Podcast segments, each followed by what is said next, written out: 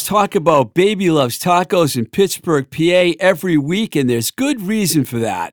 Their food is fabulous, and they have two really cool, awesome locations. The main hub located at 4508 Liberty Avenue in the Bloomfield section of town of Pittsburgh, and their newer locale, Baby Loves Tacos Thunderdome, located right smack in the middle of the University of Pittsburgh campus in the Oakland section of town. If you like Mexican cuisine, Baby Loves Tacos is the joint. For daily updates on what's happening with the Baby Loves family, head over to the Baby Loves Tacos Instagram page at Baby Loves Tacos. And if you are anywhere near Pittsburgh, stop by Baby Loves Tacos and tell them Twisted Rico sent you. Baby Loves Tacos, where everybody eats. Hey, rockers, do you have any old band tees you want to sell? Disorder Vintage pays cash for them. You can contact Disorder directly at 631 813 9459 or by email at disordertracks at gmail.com.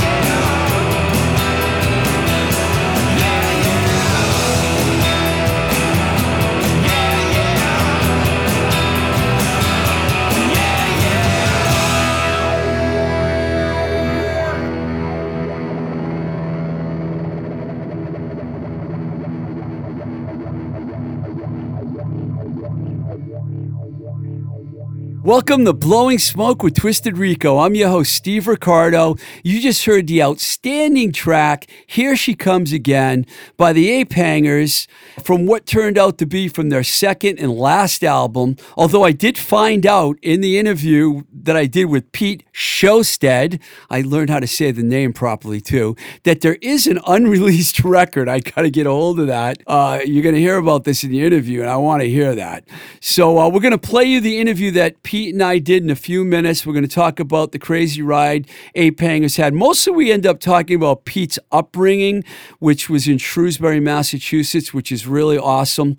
And um, it's a weird story, though, because, you know, the Hangers are one of those bands that got lost in the major label shuffle. It happens. Not every great band makes it big, but a lot of shitty ones do, is what I like to say, and it's true. Luck always plays a huge role, and being in the right place at the right time every cliche you could imagine is true.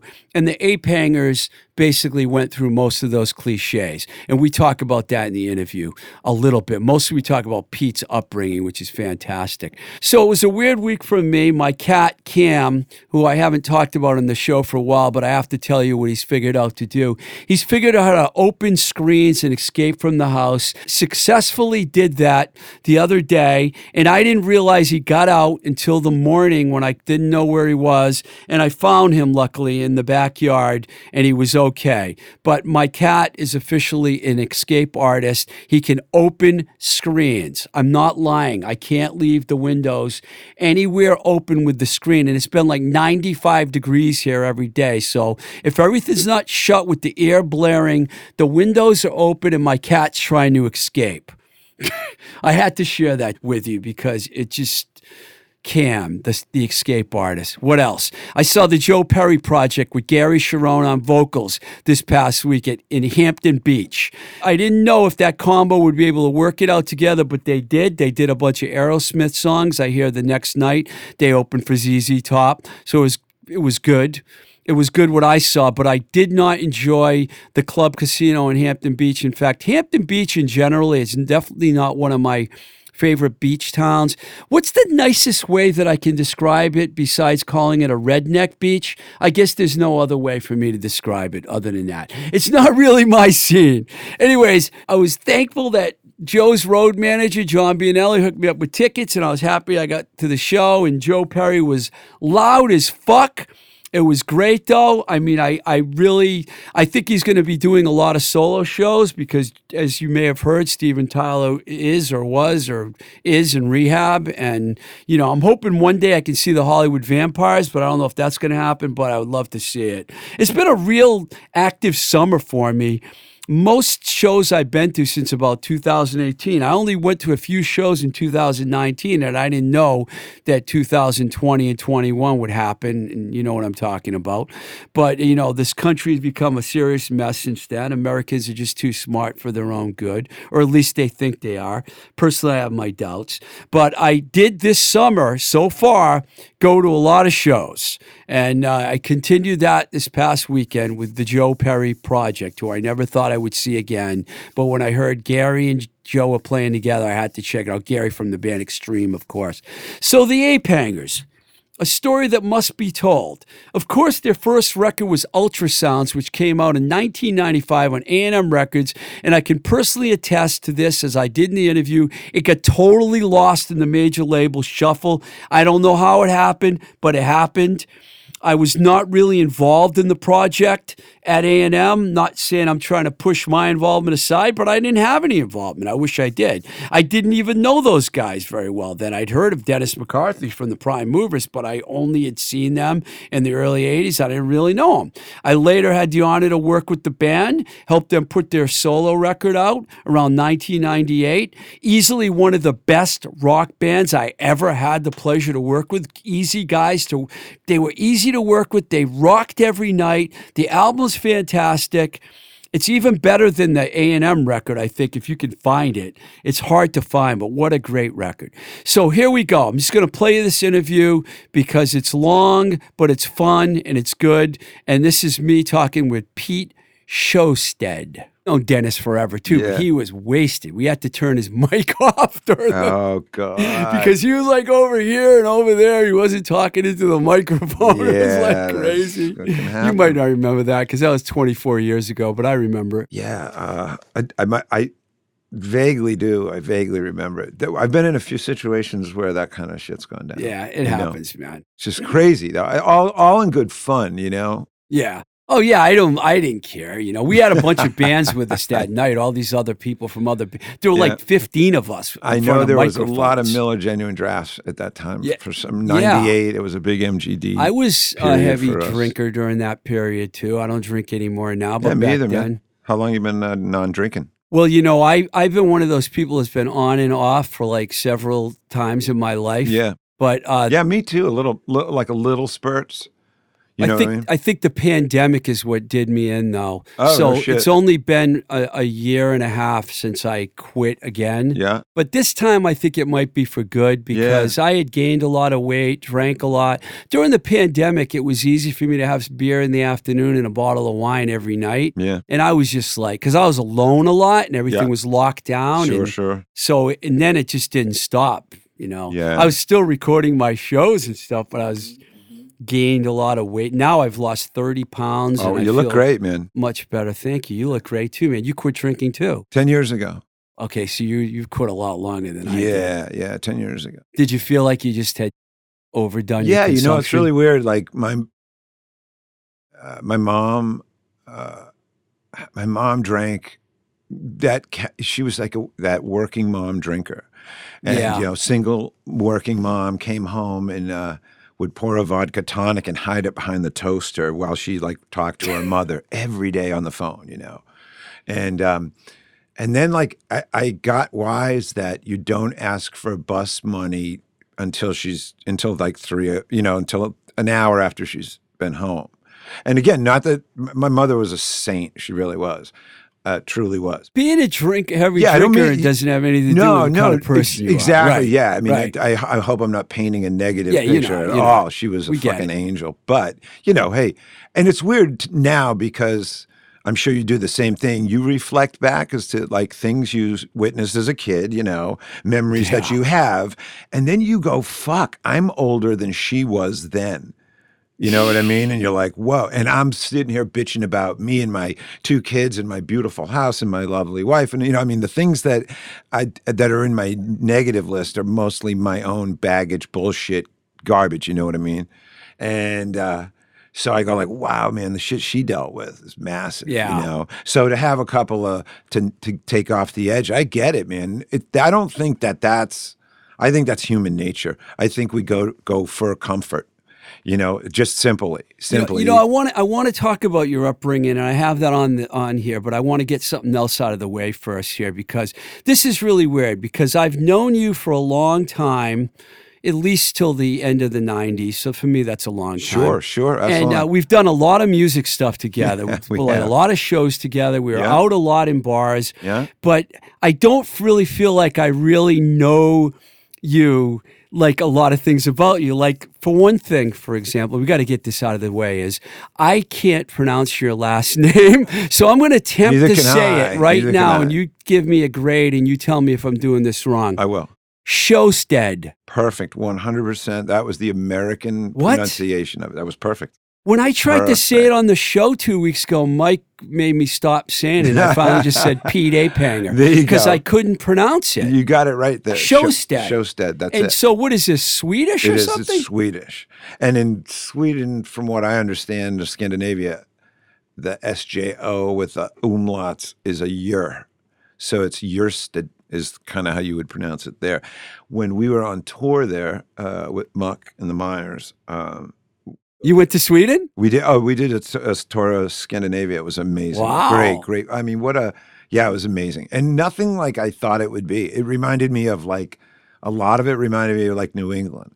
It's like you know when you go to New Jersey from from from like Massachusetts, you're expecting it just to be casinos mm-hmm. and a fucking airport and tractor trailer trucks, and then you go like see the country, and you're like, what? And then you realize, oh yeah, that's where it that's where country shit started. It's not big aggro Yeah, the in the middle of the fucking country. Yeah, the coastline of New Yeah. Jersey and the inner part are way different. Yeah, exactly. Yeah. So anyway, and that's what's so, so in Scandinavia. Um, uh, Muck and Jesse, whatever, were, were, were out. Anyway, they yeah, they were out uh, grabbing a coffee in the morning, and they they had texted me back a picture of like a Showstead's plumbing. Some you know guy had his truck all done up with this beautiful lettering and stuff, and I'm like, wow, like that. It's So everyone out there said your name properly, right? yeah, Yeah. pretty much, pretty much, yeah. but here, forget it, man. It gets butchered. yeah, it's tough. Joe Stead. Yeah. Joe Stead. So I had Sir Joe so I had a teacher in I think it was honestly God it was in third or maybe fourth grade at uh, Beal School, Mr. Lally. I'm sure you're dead. What now. town was that Uh, in? it's in Shrewsbury. Shrewsbury. And th- tell you, man, the guy, Mr. Lally, smoked at his desk and had every brother and sister before me, which was four, and could not. And I think he did it on purpose because he was kind of the sm- like again looking back. As a 55 year old guy, I see this guy who was probably 65, you know, just about to retire. Back then, you could literally smoke at your fucking Yeah. desk. And he's like, ah, I got some little Swedish kid. I'm going to make fun of it. Ah, it's that kid. It's, you know, it's his brother or blah, blah, blah. That chick's brother. So he would say, Josted, Jersted, Gasted. You know, he'd say everything but my actual name, which he could pronounce, I'm sure. Um, so yeah, it's, a lot of people have had fun with it. I had to get that. I had to get that out of the way. So did a great so job. you grew. Did you grow up in the Shrewsbury? For people around the world that are listening, is in the Worcester area, which is like the second largest city in Massachusetts. Is that where you grew up in that area, Shrewsbury? yes, I did. I grew up in Shrewsbury. Um, Which is kind of an Italian area, isn't it? It was. I mean, when I look back on my growing up, uh, uh, it is kind of wild. It's kind of a weird uh, culture bubble. I kind of come from that atomic suburb family, even though my family was the first, really like in my neighborhood, probably in my in my I wouldn't say my town, obviously, but even in my school system, I didn't know any kids who had divorced parents. And, you know, that's the shock of that is Hmm. pretty wild, yeah. you know. Um, we that subject alone we could talk about forever. But, you know, just from an objective standpoint, um, my mom had to raise five kids uh, on her own Oh. uh, when I was six, you know, and the oldest was 17. So um, that, you know, creates a lot of self reliance because your mom all of a sudden has to go get a fucking job. Mom hasn't worked in, you know, 20 years or something. And all of a sudden, like I say, that, that, that leave it to beaver families kind of gets a bomb thrown into it. And, um, so your brothers are taking care of you and you know you're, you're living under a little bit of a martial law like you know this this is how it is because it's got to be this way you know it wasn't poverty or anything it was but it was different Like No one- lower middle income. Yeah, That's what my family Yeah, was like. I Yeah. think we grew up very Lower similar. middle, Yep, yeah. lower middle. Uh, but uh, but in you know but in Shrewsbury, dude, it was like it was this like I said, it was this weird bubble. I had friends. you had White City. exactly, exactly. And I, I don't mean that by color. I mean there was actually a neighborhood Yes, called White City, the white lights on the It's bridge. true, which Yeah. used to be an amusement park. From They what I don't have the white lights anymore, do no, they? no. And Wow. like I said, prior to me, probably in the mid, early to mid '60s, there existed some form of an amusement park. They were like a roller coaster. I'd heard.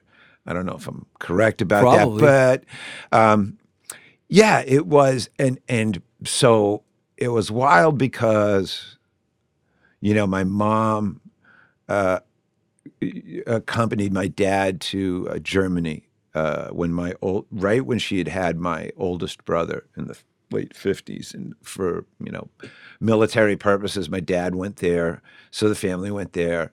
And I remember looking through scrapbooks and stuff of my mom's trip because obviously it was a lot before me, and and uh, I remember there was like my dad and like some a black couple and my mom and my brother Jeff and maybe a couple other couples.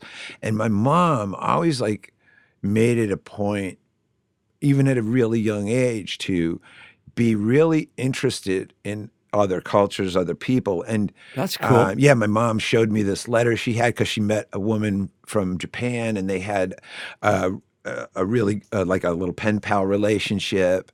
And when we went to Japan, again, Muck and the Mires, we've toured there. And when we went there, um, my, I remember that, you know, I was to meet up with, ironically, a friend of my wife's, which we did. And her name was the same as the woman Wow. in the, in the, in the, my mom's little pen pal. So all that stuff, it goes with you everywhere. You know what I mean? But Did your uh, older brothers and sister like where were you in the? In I the was the baby. Okay. So did Yeah. any of them actually turn you on the music? I love asking this question. When you were a young kid, did they play you stuff? Did you learn music from them? I did. I really did. I owe so much to my my my two brothers. Um, what were they listening to? This is seventies. We're talking. Oh talking. yeah. So it was kind of wild because again, I'm going to tell you like this. uh, Most of the shit we'll talk about is probably from the perspective of a six year old, ten year old kid.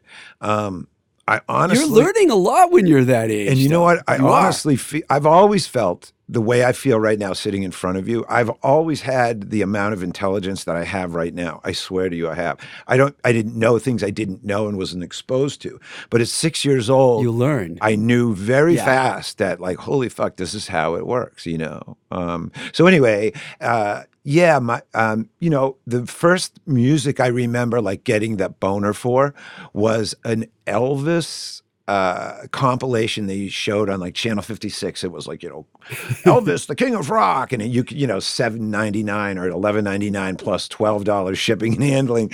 You got a record in a month if you were lucky. And i i remember saving up some kind of you know christmas money or whatever sent in cash was a- it like a, a, a record or was it a cassette or an eight track? It was a it was a, a record, a two record a set. vi- vinyl. I remember it like it came. It was like Elvis in the white suit on the front and with a blue background, just blue behind him, and like yellow border on top and bottom. I remember it like Wow. yesterday. And the and I got it. This is really weird because I remember liking this commercial, right? Mm-hmm. Watching it about what I don't think I went to school at the time, but my sister did, right?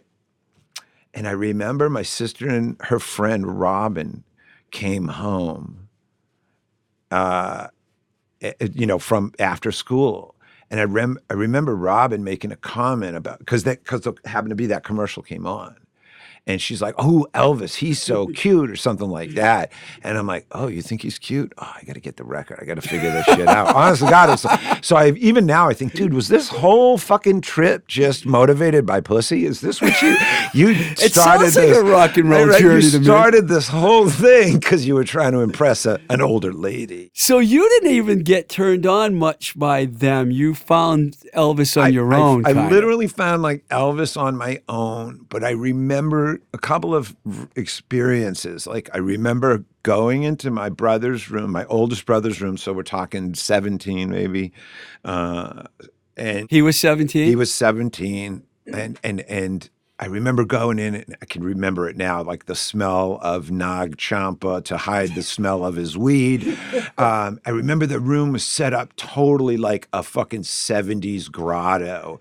if you were low six and you, wood let me see, I'm trying to figure this out. trying to figure this out. So this was like 71 or 72, Right. right? Wow, what a time for music, right too. right Go ahead. so he was had posters the, the greatest posters you remember those big the Yeah, big yeah, ones and it was like queen and like Ooh. santana and i So remember he was like really Jeff into it. beck and, Yeah. and humble pie and all the shit so my brother was immersed 100% into all of that kind of music and I don't know. I got to be honest with you. There was some, you know, 17 year old kid, uh, divorced, you know, no, no dad. Dad was kind of a dick anyway, so you've got a chip on your shoulder. So there was not, there was hostility going on in the house when it came to my brother and my family. So, Oh, so I wasn't at seven or eight years old because that's how old I was. I wasn't like going up to hang out with him and listen to fucking, you know, No. oh wow, man, that, that, that Alex Lifeson riff is killer. You know, that's not what happened. I kind of went the Did other way. Did you way. say Alex I Lyson sh- riff? Yeah, yeah, I did. he is one of the masters for sure. He's the one in the kimono or whatever they call it, the album cover, right? I had to say that. Well, uh, so so that in a weird way, it's like I, I absorbed that in a in a in an uh, in a voyeuristic way. I I I watched my So brother. he didn't really turn you on no, to music. not yet. My my my my next up, my younger than my oh, you know my middle brother, I guess you'd say, you know, the next up from me, my brother Andy. He's the one, whether he fucking knows it or not, who really planted this seed of of thank God he did because if he didn't get it right, it could have been really bad. You know, I mean, when your brother comes home with the first cheap trick record. And he goes, dude, you got to listen to this. Because he worked juicy. At, he worked at Bradley's. And Bradley, right in Shrewsbury, and it was a big like Caldori kind of uh, department store, right? So he would he would pick up records on Friday, and I remember him bringing home that. He bring home like the Knack, um, just like Foghat, just like cool, like different shit. And you know, I re- again the first Cheap Trick record. I mean, I don't know if a lot of people are aware of that record, but like that to me, They're a real rock band. it was to me like Sergeant Pepper. You know what I mean? Yeah. There's a lot of theatrics on there. There's a lot of weird fucking stuff buried in the mix you don't pick up. Um, it's crazy cool shit to me. Yeah, they were like to me one of the great American rock and roll, Midwestern rock yeah, and roll. yeah. But again. I'm gonna just say this. I'm gonna drive this fucking point home. Their first record is it's almost it to me it's artistic. It's a little dark. The songs are about weird shit. They were into weirder bands then.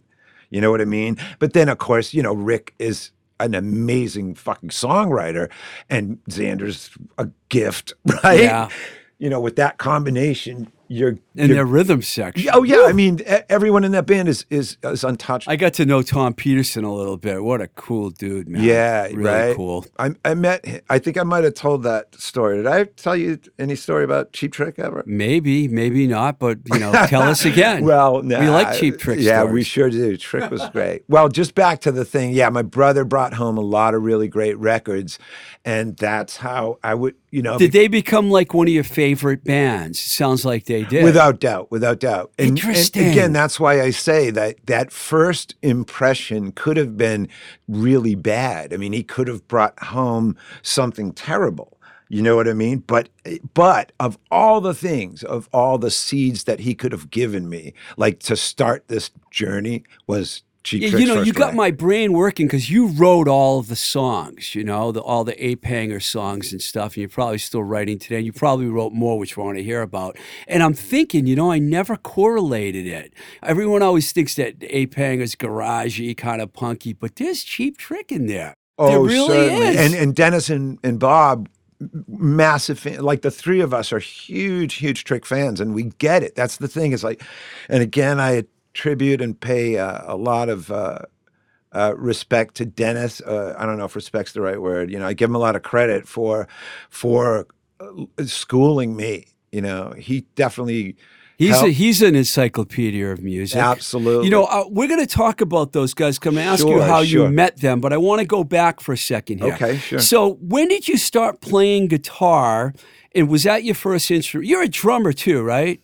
Was Yeah. drums first, the guitar first? Well, I, I, I mean, if it- the first thing I, I got, I kind of got in trouble in like second grade for stealing dowels from school because I didn't have any, I had no income, so I couldn't ask my mom, you know, in the state we were in, hey, can we go to get drumsticks? I didn't even know what drumsticks were, but I knew, you know, I've seen drummers. So at school, I noticed they had a dowel that was about the size of a drumstick, and I was like, if I just tuck that down my leg and I can walk out with it. Well, I got one home, and then the next day I grabbed the second one because I knew you needed a pair of drumsticks, right? Unless you're that cat and Def Leppard. And uh, Oh, so, way. yeah, he's a fucking, he's the, what an amazing. I mean, Yeah. that's otherworldly, right? no one thought he could pull that. Never. I mean, that's amazing. You know, all the credit in the world. Anyway, so I tried to lift the second one, and I got bagged by my teacher.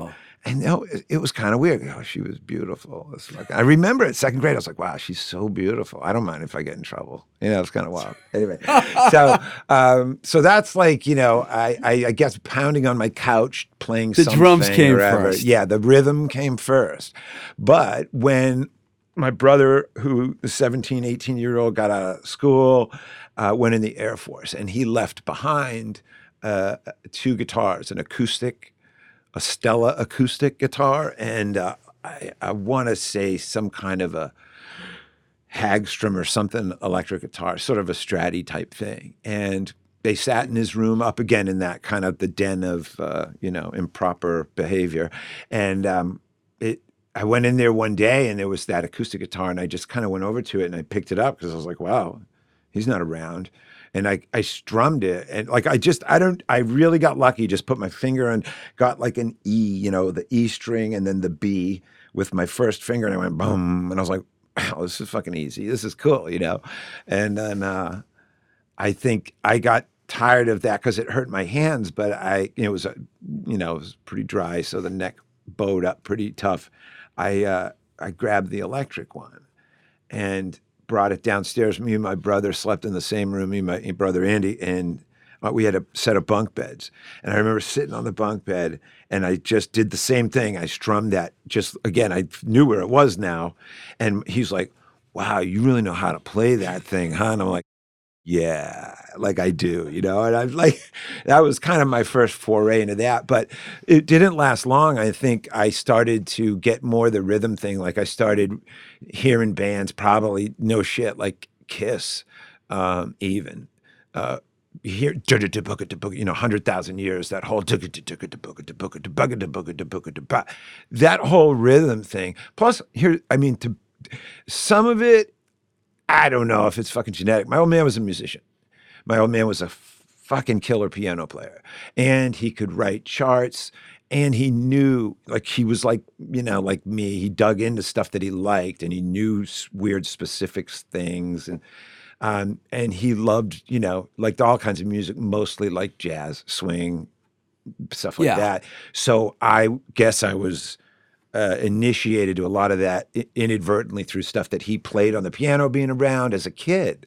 He tried to teach me, you know, he wrote the, the notes on the piano and he tried to teach me in my house, but then, uh, you know, mom caught him dipping his wick and out he went. So all I had was the pen on the note on the you know, the keyboard, you know, and I was Right. like, "Eh, I don't really know what I'm doing now, but um, you know, things settled down and and uh, we we we associated later on in life, and that was fine. And he did show me some stuff. I think I could probably play Winchester Cathedral right now.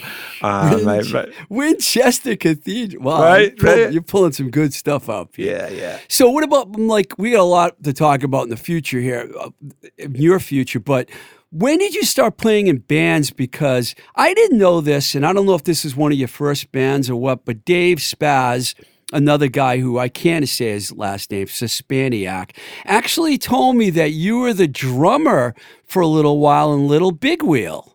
Is that true? With Jim Weeks, who was on our show. Jim Weeks, by the way, legendary songwriter. Oh my God, Jim is Is that was that the first band you played with? Never. No, no. See, it's, it, I mean, and Dave's not wrong. I did definitely play with them. Um, but this was only, this was only a few years back. Oh, that wasn't early. No. Okay, that was Yeah. So, Nine- right. And Jim and I were friends in the 80s, like the mid to late 80s, right? We played Right. in bands around Worcester and shit like that. What was some of the bands? Uh, he played in a band called IOU. Uh, I played in a band called the Hip Civilians. It was the gayest name on the planet. The Hip Yeah, Civilians. just, I, I've always, I hate, I, I get a wiggle in my spine every time I say it. But, but, but. were you a drummer or a guitar player? Yeah, I was a guitar player, and that that's like again, this is an interesting story. Uh, like my, we could jump ahead from you know records and I listened to as a kid, but when I, I, I had a friend of mine, my friend Tony Trippy, and Tony was a really good musician. We're talking 13, 14 year olds, right? And Tony skateboarded and he loved Cheap Trick and fucking ELO and Devo and all these great bands, you know? So we became instant friends. Um, skateboarded a lot, built ramps and all that cool shit. And he could play the shit out of piano. All of a sudden, he, I think I went over to his house and I was like, "Hey, I got this like cruddy little K amp and this guitar." And his dad had a drum kit, uh, Walberg and Auge Blue Sparkle four piece kit, because his dad, of course, was a fucking jazz drummer in his day, and. Uh, uh, so the kit was kind of hanging around the house. We set it up and we jammed a little bit. I played guitar, tried to. I, I think we did like Love Stinks or something. I don't know what it was, you know, something really re- remedial. And, uh, you know, it, it seemed like it was okay. It was fun. And at some point in that first day, I went and I sat behind the drum kit because I was like, wow, th- I've never really sat behind a real drum set. This is cool. And it just came so natural to me. And Tony went and picked up the fucking guitar. And I mean, I don't know what he played, but it was like Hendrix. It was like, whoa, what the fuck? And he was like, you want to play those and I'll play this. And I was like, yeah, let's do that. And so we did that to the point where we ended up with a with a bass player and Tony played keys because he was a fuck he was a killer piano player, but you know, into Devo and ELO and all these cool shit cars. That was a big influence on us. Elliot Easton's a god, you so know. now we're like in, we're like in the late '77 ish now. Right, right. Yeah. So that I mean, you know, all of that's seeping into everything. We get a singer and we start playing, you know, anywhere we can play kind of deal. And one way or another, you know, the band's got to kind of come and go. And um, but that was my real thing. It was like, okay, now I guess I'm a drummer. So I started playing with, you know, a couple of dudes that I met like at a show and they were into the same kind of music. And next thing you know, it's like I'm playing drums in their band because their drummer sucked. And and we're playing like, you know, all that stuff I grew up with, a bad company and shit like that. But these guys were really good. You know, I mean, they played really well. It wasn't like hacks. Right. Um, and we, you know, we played around, but just like a lot of local local kid bands, you know, there's only so far you can go when you're that old, and there really aren't venues. And it, again, I mean, it's kind of that suburban culture. Well, when did you ac- when did you actually start playing in bands that played rooms and what rooms were we playing? Like, we're, we're talking Worcester, right? Yeah, like my my first band or the first band band experience. God, I, I'm trying to remember. I might have been like with those guys or something. I played drums. I was probably 14 or 15 by now and played in some, started playing bars. And ironically, the very first place I ever played, like, Can I guess? where? Sir Morgan's Cove. No, which became the that was I. de- right, I definitely played the Cove, but but that was definitely you know you had to graduate to that. Ralph's. But my first show as a drummer was with these guys in this band, and it was at a place called the Beef and Bourbon, oh yeah, I've heard of that place. and it's in it was in the town I live now. It's like Lunan. Was it Lunan? in Rutland? In Rutland, in Rutland. So, uh, the, Which the- is just north of Worcester. Yeah, the kid who sang in the band's folks, like, you know, used to go out there and knock them back. It was like one of those kind of places, you know, bar, but it had a restaurant. And they had a little, you know, stage where you could play. So we set up our shit. This was our first gig ever. Set up our shit, you know, got the costumes right and everybody looks good and stuff. We played, I don't know, probably like something that had a lot of drums in it, which I was playing. And then then a, a cocktail napkin came across my drum kit and said, "Turn the drums down." that was my Turn the turn drums the down. Like fuck, what, where do we go from here? and it was like it just appeared on my drum. It was kind of cool. Turn the drums yeah, down. and so it's kind of wild. I drive by the building because it still exists as a building, and I'm like, wow, that's where it all started. I think there's a Cadillac. I kid you not, that was there when I went. When I was there, it was there, and it's still fucking there now. This beat old caddy. We're geeking out heavy on Worcester County again. this yeah. happens on my you show. Can ed- you can edit all the shit out. All right, let's get back to the Jim. thing. So anyway, Jim and I used to we used to play together, but we were kind of Jim just, Weeks. Jim Weeks, uh, love him to death, amazing talent and an amazing person. And that being said, uh, we bumped into each other at a at a friend's memorial. My our friend Scott Ricciuti. Uh, oh yeah, an right. and passed away and uh and so there were people that got up and played uh in in in tribute just to kind of share music it wasn't like anything weird and and anyway Jim went up and he just did amazing as he always does he's just a such He's gotten better with age, I- man. yeah, His songwriting Yeah. is unbelievable. Jim and I met in the in the lobby and it was kind of wild um I can't even believe I'm going to tell you this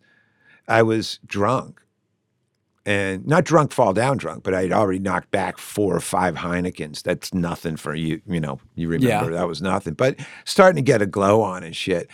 And I went out in the lobby and I'm like, oh, I'm just fucking hanging out, kind of waiting for the, my wife and waiting for shit to end. And and this guy's like, hey Pete, I'm like, he goes, it's Jim, and I'm like wow, dude, I haven't seen you in so long. And it was just one of these magic moments. It was like, how are you, brother? And we just started talking, and it was it was like talking to a super old friend, you know, just like, wow, I I don't remember having a really a strong relationship with Jim, but it but it instantly kind of became Right. that, you know. So we started rapping, you know, occasionally we'd talk and and um and then he goes, "Hey, you, do you ever you ever want to try to work on? You ever want to do anything, write music or anything?" And I'm like, "Yeah, let's give it a shot, right?" And and I had just uh, by that by the time we decided to get together, I had I had quit drinking, and it was it was weird because I take it back. We first got together when I was still drinking, and and, and Jim said, "Hey, he was in the program, and he's like, hey, why don't we get together? I got permission to use this room in in uh, in in town, and um, so I'm like, yeah, sure, I'll meet you there at like noon, which I did, and it was an it was like an AA center." And he's like, "Hey, these like, and they got you know all their signs on the wall, all you know their their their phrases, of, uh, you know, he said, "Is this shit going to bother you?" And I'm like, "No, man." He goes, "You can," and it was weird. He goes, "You you can bring beers if you want." Uh, nobody, there's nobody here. And I'm like, "No, man. It's fucking noon on a Saturday. I'm all right, uh, you know." And so I want to tell you that I remember him saying, like, if you ever want help, you know, I'm not going to push it on you. And he never did, but he did ask me once. He goes, "Hey, if you ever need help, let me know." And then I remember standing outside. I'm sorry to go down AA road. You can edit all this out too, but I was standing outside my house, killing a butt, drinking a beer, and my my little my little son Beck was running around in the house looking for me. And it wasn't like I was avoiding him, but you know, I was outside in the rain smoking a fucking butt like you do, because that's what you do. And you drink a beer and everything. And I'm like, the fuck am I doing? This is retarded. And I dumped the beer out, and that was the last beer I ever had. Wow. And and and so Jim, again, being in my life at that point, because when you stop drinking cold turkey after drinking for since you were 15, um, that's a lot of shit your body goes through and your your head, because there's Yeah. to- there's toxic uh, uh, reactions. And, and that does fuck with your skull a little bit, you know. Um, but it wasn't like, oh, I'm a, I got the DTS. It was just, you know, it was okay, but it was cool to have a friend who would kind of just like, hey, man, it's, yeah, Thanks yeah, for sharing that, man. yeah. So Jim and I started writing together, and Jim came out to my house and we recorded. Uh, I have a little studio at the house, and we um, we play. We've we actually we've played a few shows together. Jim and I, like the two of us acoustically. Really? Yeah, Wow, I'd like yeah. to see that. It's really cool. Uh, um, we blend. We, we we work really well together. We really I can do. see that. You guys And- are both great songwriters, so Yeah, I can yeah. totally see that. At one point, he had uh, Little Big Wheel. Uh, I, I can't even remember how it happened, but oh, I think maybe it was because I drum. I played drums on a song that he, you know, recorded at the house, and he's like, "Dude, these these drum tracks are fucking killer. Would you ever want to play, you know, just just for fun, you know?" And I'm like, "Yeah," and I did. I did it for fun. We had a lot of fun. We did a few shows and shit. Um, Well, Dave remembered that, and he yeah, that. it, it was really Um, fun. Uh, we we got I gotta um, um, I gotta keep it moving a little here because um And then I turned seven. right, right, right. um the Ape Hangers were pretty much your first band that went into an actual studio and recorded, or did you do a lot of recording before that? I mean, like, yeah, yeah. I mean, let's. We could jump forward to that. So essentially, what happened was the way the ape hangers. Yeah, how did you meet? All right, I'll just tell you and- how that Formed. Yeah, how did you Let's meet those guys? Because right. you ended up moving to L.A. and I want to know how that happened. Okay, so so um, uh, th- through my friend Tony, okay, the skateboarding kid and um, great musician and all that stuff. He moved out to Boston, became friends with a cat who was like you know the studio engineer guy who lived upstairs at a studio called Dimension Sound uh, in Jamaica Plain. Sleepy LaBeef, you did, you did all his stuff there. Uh, George Thorogood did a, Really? does mo- did most of his Jamaica records there. Plain, huh? Yeah, and a really great room, a very Art Deco, two levels. The studio sat up high and looked down over the the the tracking room, and it was just designed in the most crazy cool ass way. It was like kind of like the Brady Bunch house had that staircase that came down, and um, from what I understand, the guy who like was like the real the real crazy fucking hermit who like owned it he would come around every now and again and he showed me in like a back closet there's a hole in the floor and he goes down there are two you know reverb plates the only two matched are the ones at capitol in la you know? I'm like really? And he was right. I mean it's crazy. This studio dude was set up to be a quadraphonic studio and like the monitoring looked like subsearch. It looks fucking insane. Uh, so anyway, this guy Willie D uh, was became a friend. Recorded my band there. Um, I remember. I don't know if you recall the Red Rockers from Oh New yeah, Orleans. of course. so me- Darren Hill was on the show. oh no shit. yeah, Well, the singer and I, John Griffith, John, became John friends. Thomas Griffith. John Thomas Griffith. We- Wow, we- you're friends with John? So we're doing a show, my first band, right? We're doing a f- show in Worcester, and um, we and and uh, I got to give this cat Barney credit because Barney was a buddy, local buddy, who ended up like working for them as like a light guy, road roadie guy, and he was cool enough to know or recognize that the band I was in, my, my hip civilian band, we were doing really cool shit. We're playing very much like Jason and the Scorchers, you know, and for suburbs suburban kids to see that and and and experience that. It was cool. So we had good crowds, and so Barney brought out. I want to say maybe the whole fucking band. I'm I know I've met Darren once or twice. Uh, I met Jim and and Sean, but John. Um, John and I really clicked and became kind of fast friends. I think, you know, I haven't seen him in a million years, but we were bros back then.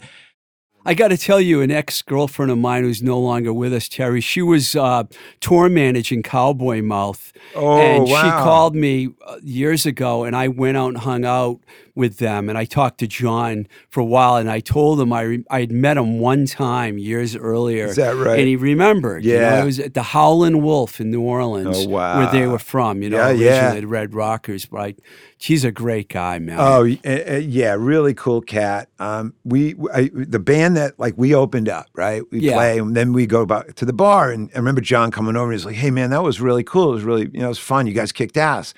I'll say three songs into the next band set, the singer Dave, who I love you, Dave Bellanoit, uh, did something and broke his fucking leg on stage. He jumped around and Whoa. came down and like broke his knee.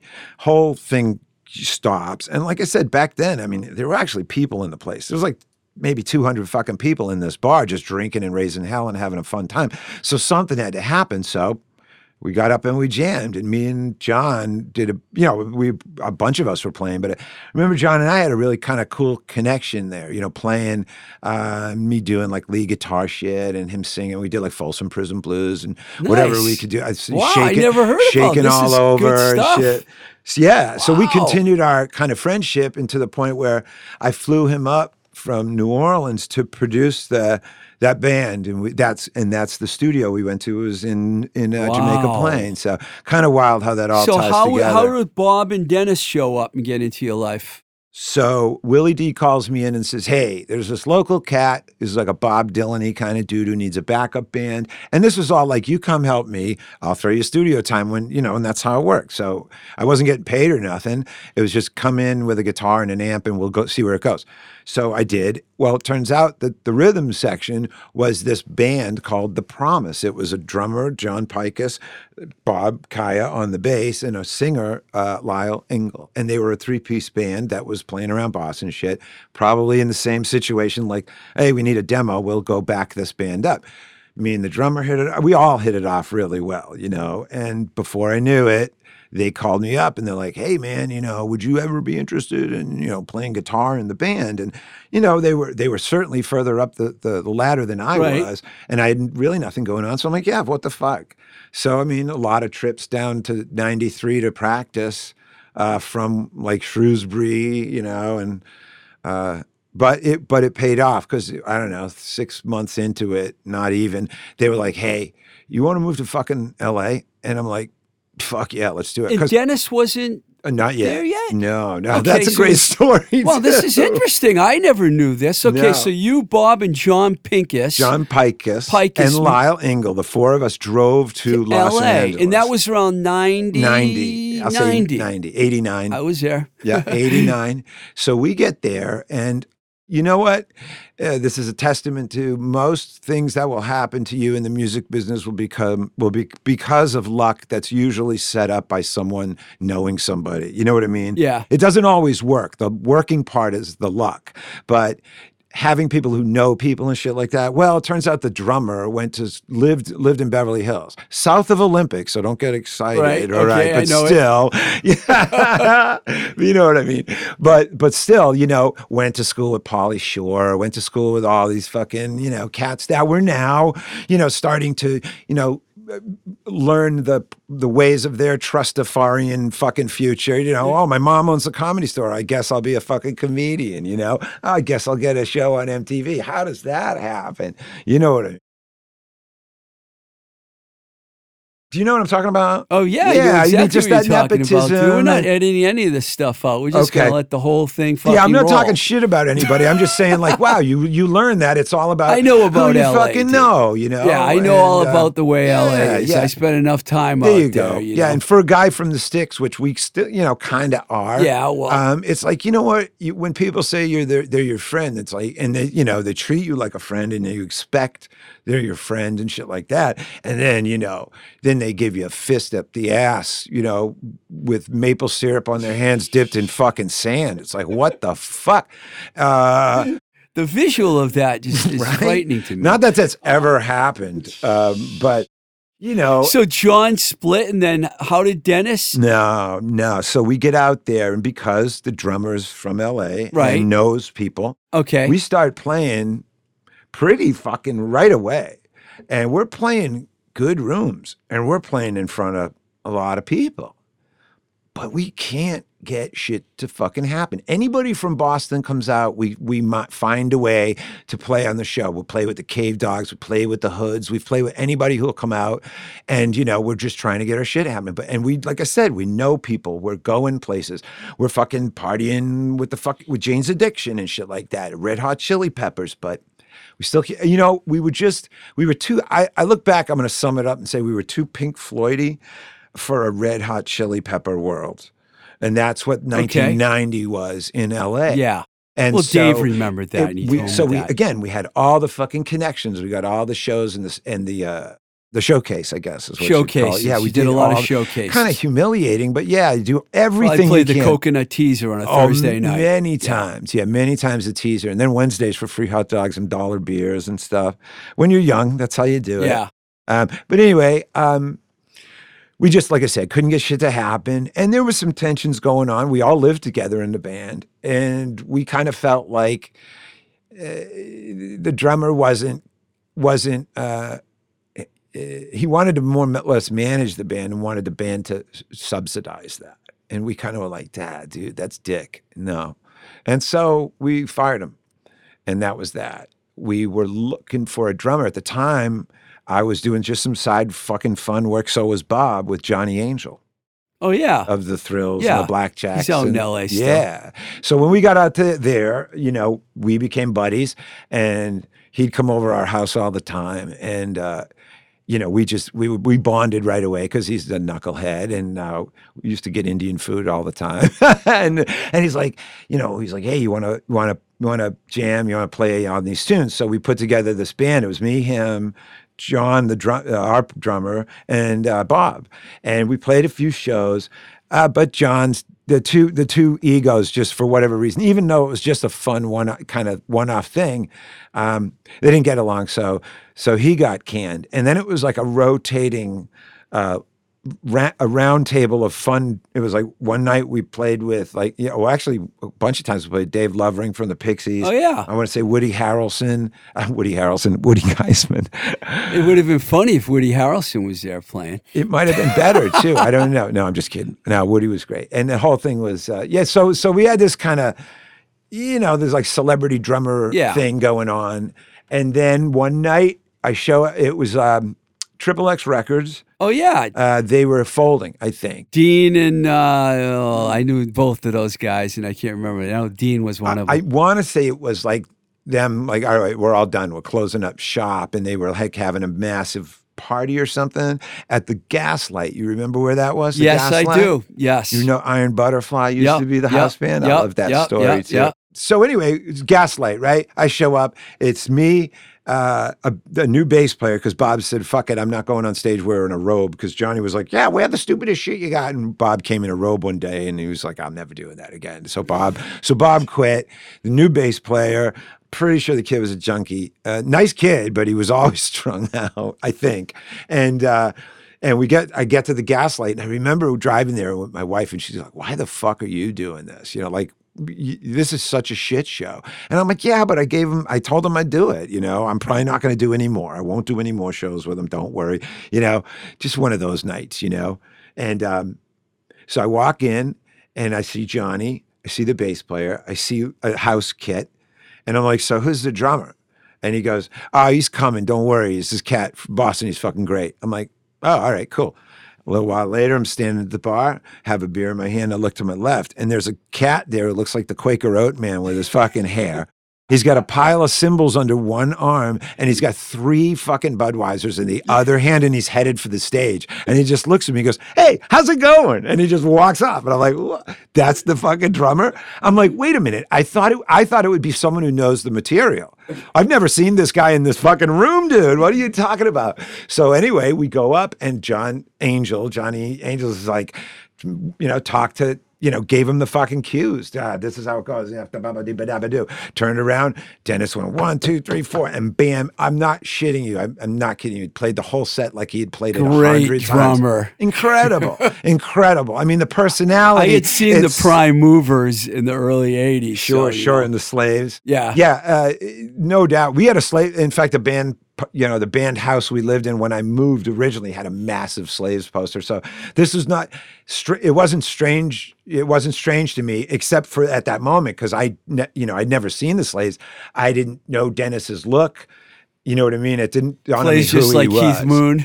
Yeah, it was crazy. I was like, wow, this is so, great. so Pete, I got to move it along. Yeah, I'm sorry. I'm sorry. Long-winded. So Bob ended up coming back, right? And the three of you then started calling yourself the Apang, not the Apangers, but Apangers. We got Dennis in the band, and the four of us played around again, exhausting every possibility and every avenue.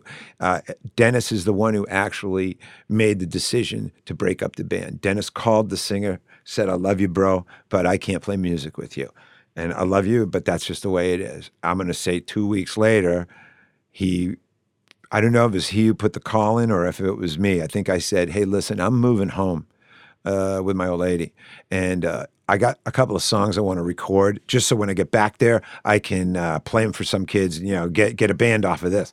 So we went uh, to uh, Fortress Sound, is like a studio like this. Yeah, I know Fortress. Yeah, and yeah. I said, listen, we'll do a 30 pack and I got a little four track recorder. I'll show you these songs and we'll just and just put them down. Well, we did that, killed the beer. I probably put a tambourine track and a vocal, maybe a background vocal on this thing and gave them a tape each. And I said, listen, I'm headed home. Thanks a lot. This was great.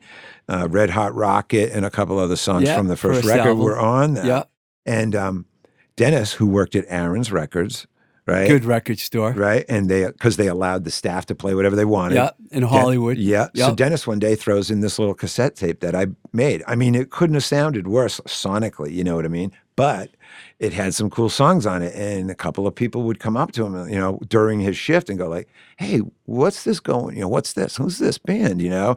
And it was like that had never happened where what you know what we played got instant reaction. You know, so there was something to it. I'm not really sure, but it just started to snowball from there. And I'm like, "Honey, I guess we're not moving home." In March. You know, um, I'm going to see this thing out. I came all this fucking way. I might as well. Uh, and I'm going to say within six months through, you know, how it goes. You meet someone, you get a show, you do this, you get a guy wants to put out a single, and then someone wants to do a video. And before you know it, you got a demo deal with Columbia. And it's like, hey, well, we just made a whole record. We're going to pass on you guys, but you've got a whole record to go. Oh, so, you did the de- demo deal with Columbia? We did one demo deal with them, well, Sony, Uh, oh, I thought you. I thought you recorded all your stuff at the A- at A and M Studios. we did. we did. We did. This is how it works, and you know. There's another demo out there. Oh yeah, there's a Oh, I whole. gotta hear that. Oh, there's a. Oh, dude, there's a. whole- Our I whole never record. heard oh, I never even thought anyone would be interested. I'm interested in oh, hearing I'll it. send you a copy. How did you know? I got you met Jeff Suey somehow, who was a radio promotion guy at A and M Records. I was working there at the time. Yeah, by how the way, crazy, But right? I'd already. I'd already been moved to New York. They Okay, that's why we New didn't York. cross paths Right. there. Yeah, And so you met Jeff Suey, who wasn't even an A and R guy. Jeff Suey was put in the put in the position with another guy named Michael Michael Whitaker. yeah, spaceman. Uh, yeah, Yeah. spaceman, the late spaceman. Yes. and uh, and uh, so they were given permission to run a, a sub of A and M, probably like demo deals. We'll Yes. give the band Studio we'll- C the studio. Exactly, I know Studio it C. Records. Yes. So, um, so we no kidding. We went into we went into the the a backyard studio with Rick Parker and Jeff Siegel. I don't know if you know Jeff's from the Nymphs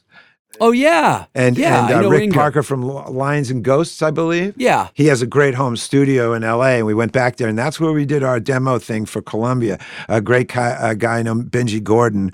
Uh, yeah, I know Benji well. Friend, yes, he, he good you know, we- guy. We, were bros, and he's the one who set that up. And he went to the, you know, he went to the wall for us, but you know, it didn't happen. they passed. But they passed, but gave us the record. Here you go, which allowed us to shop a legit fucking demo elsewhere.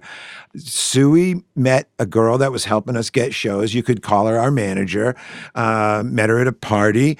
She wisely had a cassette in her pocket, handed it off to him, and the next thing I know, it's like I'm getting a phone call. It's like, "Hey, uh, this guy wants to record, maybe record your band. You- Let's let's go talk to him." And and then so yeah, we went into Studio C with Michael Douglas. with Michael Douglas and Not that Michael Douglas. Right, and Alex Reed. Do you know Alex Reed? Yes, I know both those guys. I was in that studio many times. Oh, man, when I I, started in we, A uh, and M, I was an A and R consultant, and I used to bring bands in there all the time. Down by Law. Oh, uh, I, they sang on their record, dude. Ju- yeah, you did. sang Back, on I remember yeah, that. That's fucking great. I remember. I Oh, know. I didn't remember you did it, but I know that that that studio sessions that Michael Douglas did ended up being released. Oh, on- my gosh, It was really? an epitaph. Epitaph, right, yeah. right, right. What But, a trip. Yeah, that. So I used to go in there a lot. I so I know that studio. Yeah. So when you went in there and did it, Jeff liked it, and he brought it to David Anderle, probably. So, so this is what I heard. This is what I heard. Jeff was working with a couple of bands, the Black Eyed Susans. I don't know. I, I know there's a few bands that have that name, and I'm not sure if this was the band, but that was their name.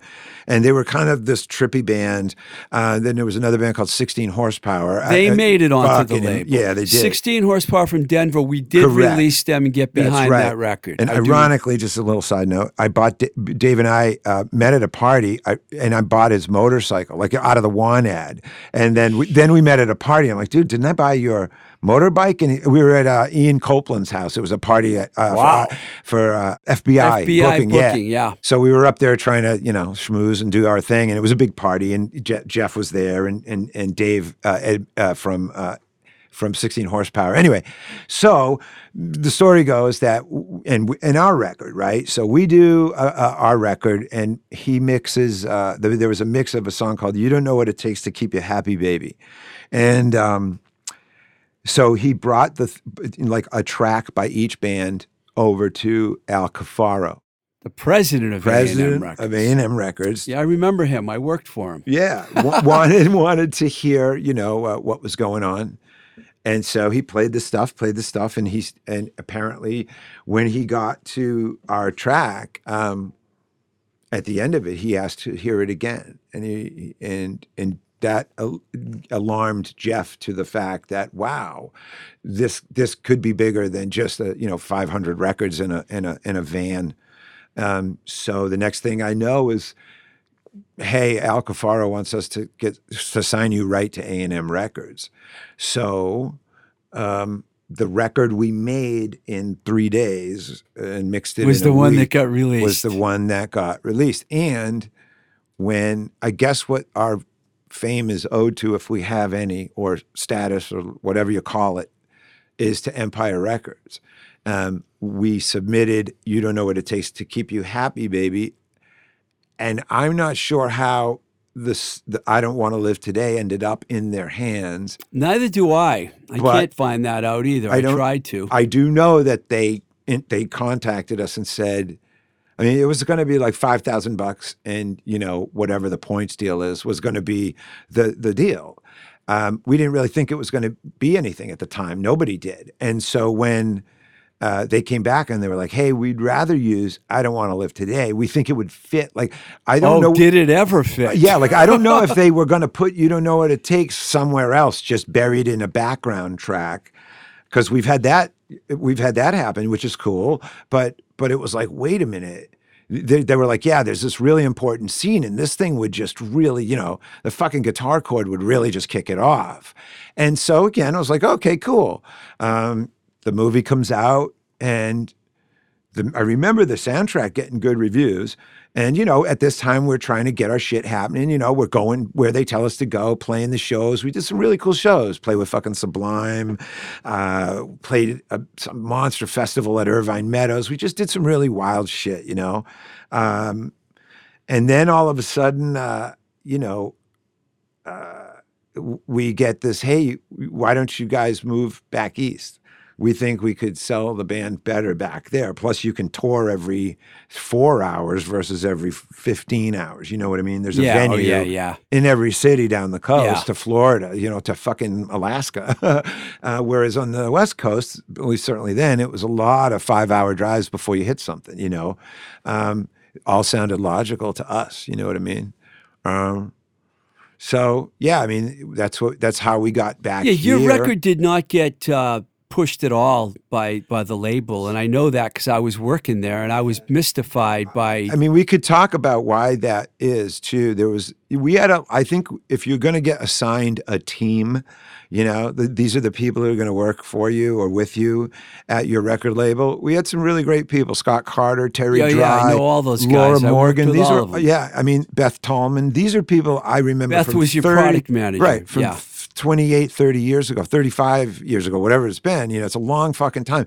And they still have, you know, meaning in my head uh, because they were cool people. So they were all on this team. And I know they all liked the band. I do know that there was one cat in the college radio promotion department. I'm telling you the truth. It's not talking shit. I don't know his, I can't remember his name, so that'll help. But there was a cat, you know, Birkenstock thick glasses kind of cat who just did not appreciate our sense of humor.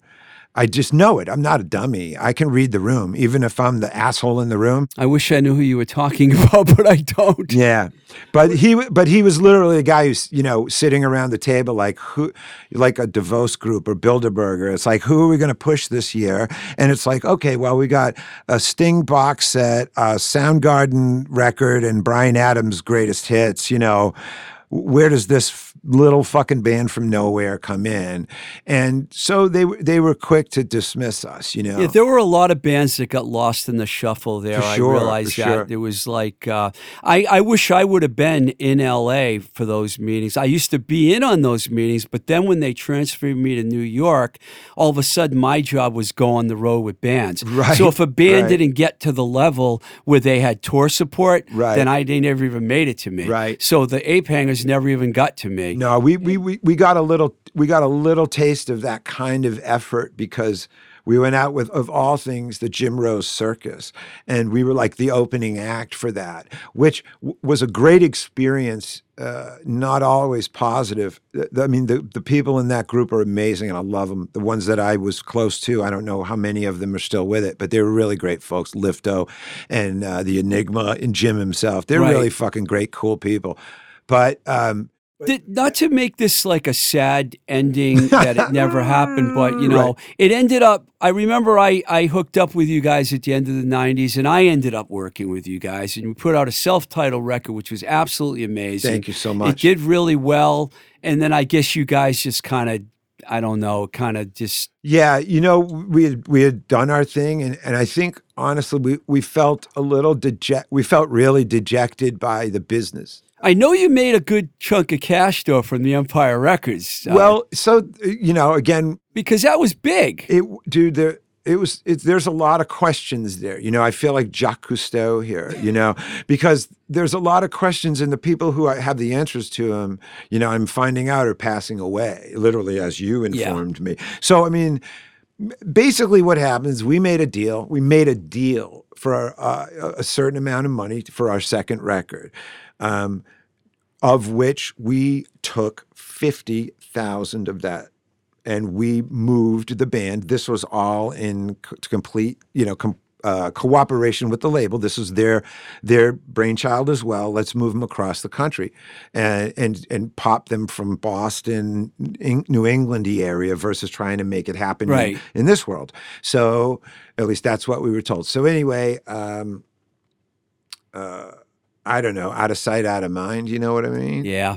Um, Well, you know what? I I think you're. You know, I just want to talk about Muck and the Mires for a minute because you ended up in that band and you've given that band all this new life and you've done all this touring around the world and everything. Um, you got to be happy about that. You're playing "I'm Your Man." I saw you guys do it at the Rum Right, Bar Fest. right. It was great. Yeah, That's one of your songs. It's the most. Inc- it really is the most incredible story. I, I know I'm a long-winded prick, and I could really go on for hours about the band and the people they are. But in short, this is how it goes. When the Ape Hangers got back here. Uh, and we started our touring. We were still signed, sorta, and we were still trying to just keep shit going. Um, in our van, as most vans have, uh, you know, you got your cassette tapes, and you know, the Lyres were a big thing. a lot of Meat Men, a lot of just crazy shit, and the Nine's greatest hits, which is Evan before he was in. which is Evan between the Voodoo Yeah. Dolls and and and Right. and after the Queers, I think, and and and yeah, before Muck. So they had a three piece band. I think it was four piece for a while, and then I think Dave Harrison from the Voodoo Dolls Yep. was the guitar player, and then he left, and. uh so we had played some shows with them and got that, you know, like I said, we had that cassette tape. And the more, I won't say the more I played it, every fucking time I played that in the van, it, the songs are just amazing. Heartbeat Away, This Town Makes Me Feel So Lonely. I'd never heard them before because we were out of town when that shit was happening for me. I know some of those are, you know, shit from the Voodoo Dolls that Evan brought forward to the Nines, but uh, it really was like every song on this is great. And we started playing together and becoming friends. And I was like, wow, not only are, is, are, are they a fun band and a great writer, but they're really great people. Well, one thing leads to another. The Nines sort of call it quits. Um, this is right about the time the ape hangers sort of just looked at each other, and Bob was like, "You know, man, I think I'm moving back to LA. Like, I fucking hate snow. This ain't going anywhere. We've, I've given it a lot. Let's. I'm and and I love him. And He's a great guy. Yeah. He was the one I dealt with with all the business. Exactly. yeah, so- and he's just you know he's the most sane cat. Yeah. So anyway, so he split, which kind of you know broke put- you know broke the ape hanger thing for sure. Uh, we weren't going to try it with another bass player, and then Den- Den- Dennis shortly moved back out there too. Um, then here comes Evan. I want to say it may have even been at one of our last shows with the Ape Hangers. I think uh, now that I'm thinking back, at a little room in Worcester called Denny's, and he and, and the Nines played with us. And before the show, Evan and I are sitting down having a beer at a table, just and, and he goes, "Hey, I got to do his voice." He goes, "Hey, I I, I give you I want to give you this, and if you're interested." Maybe you'd like to play on it. It's a good Right? imitation. I'm like, what is it? He goes, well, it's kind of like the Beatles meets the Ramones. And I'm like, really? It sounds cool. And I popped it in, and like the first song was Twist. And I was like, wow, this is fucking amazing. Like, wait, a human in my lifetime wrote this? Like, now? This is wild. And just the songs were just great. So, you know, of course, I was like, well, A, I'm not doing anything. B, this is great. You guys are great. So, yeah, let's do it. And we played together. I'm going to guess it was for about a year or so. Learned the songs, played around some shows. At the same time, I got another band going, and that band it was a three piece rock thing called Six Foot One, kind of hoodsy like you know, kind of Yeah. ro- more rock for sure. And and the muck thing was very casual. You got to understand, man. It wasn't like it is now, like a machine back that was it was the infancy of it it was the very beginning of it i didn't know what nobody knew what would happen. So you know it was like hey man i, I i'm going to really give my attention to this because this is my original music and this is you know this is what i've been shooting for my whole life. I thought this was kind of a casual thing that was fun and great but it didn't have the importance or didn't seem to have that much importance at the time. I didn't see the snowball rolling down the hill, you know what I mean? And then, so I do the six foot one thing, we do our thing, ba ba ba ba ba, we're making some headway. And then that band kind of, you know, implodes, whatever, you know, just goes, does shits out. And then I am at a cheap trick show and I meet Evan. I mean, I meet Linda and Brian, the guy who actually took my place uh, all those years before.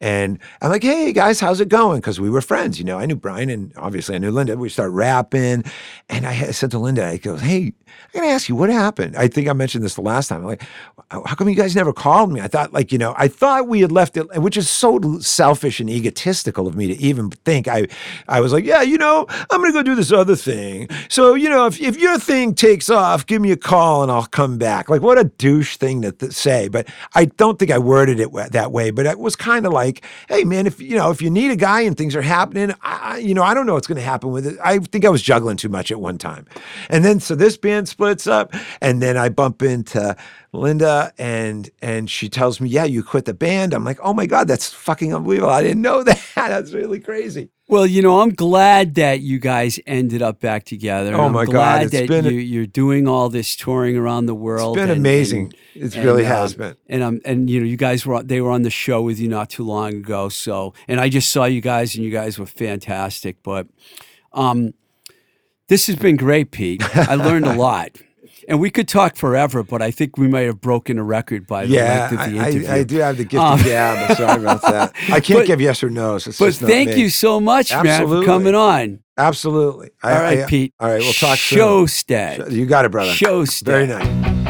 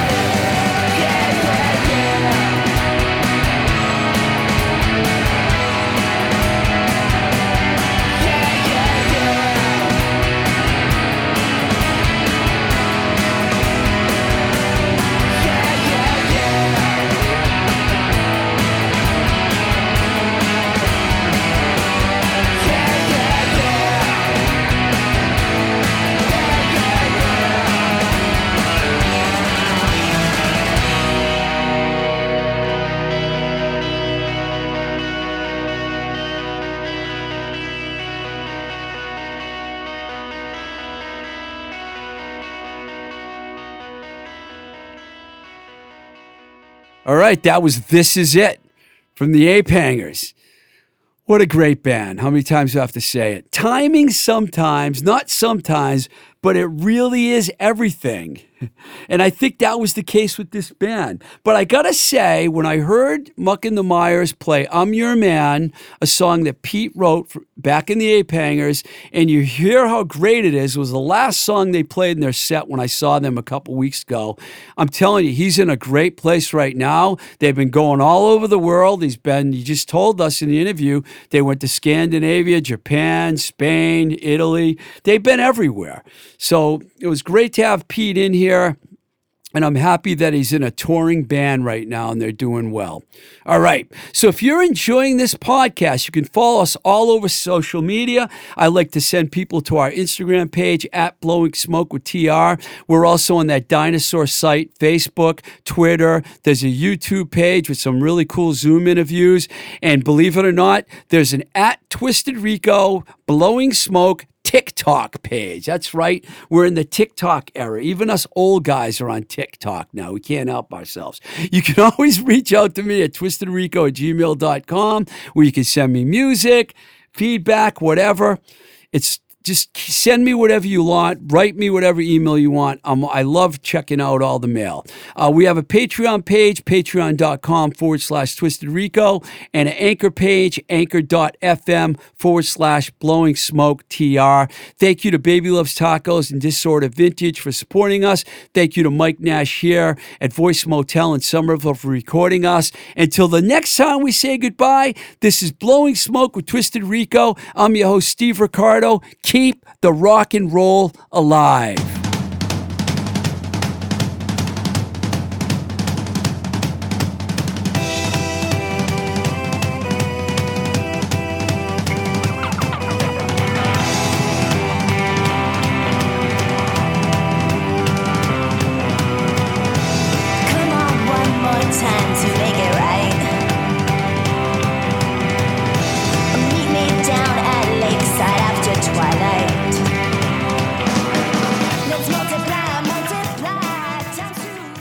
Voice is recorded at Voice Motel, voicemotel.com, your complete podcast recording experience. Located in Union Square, Somerville, Massachusetts. Wow, that was a lifetime of rock.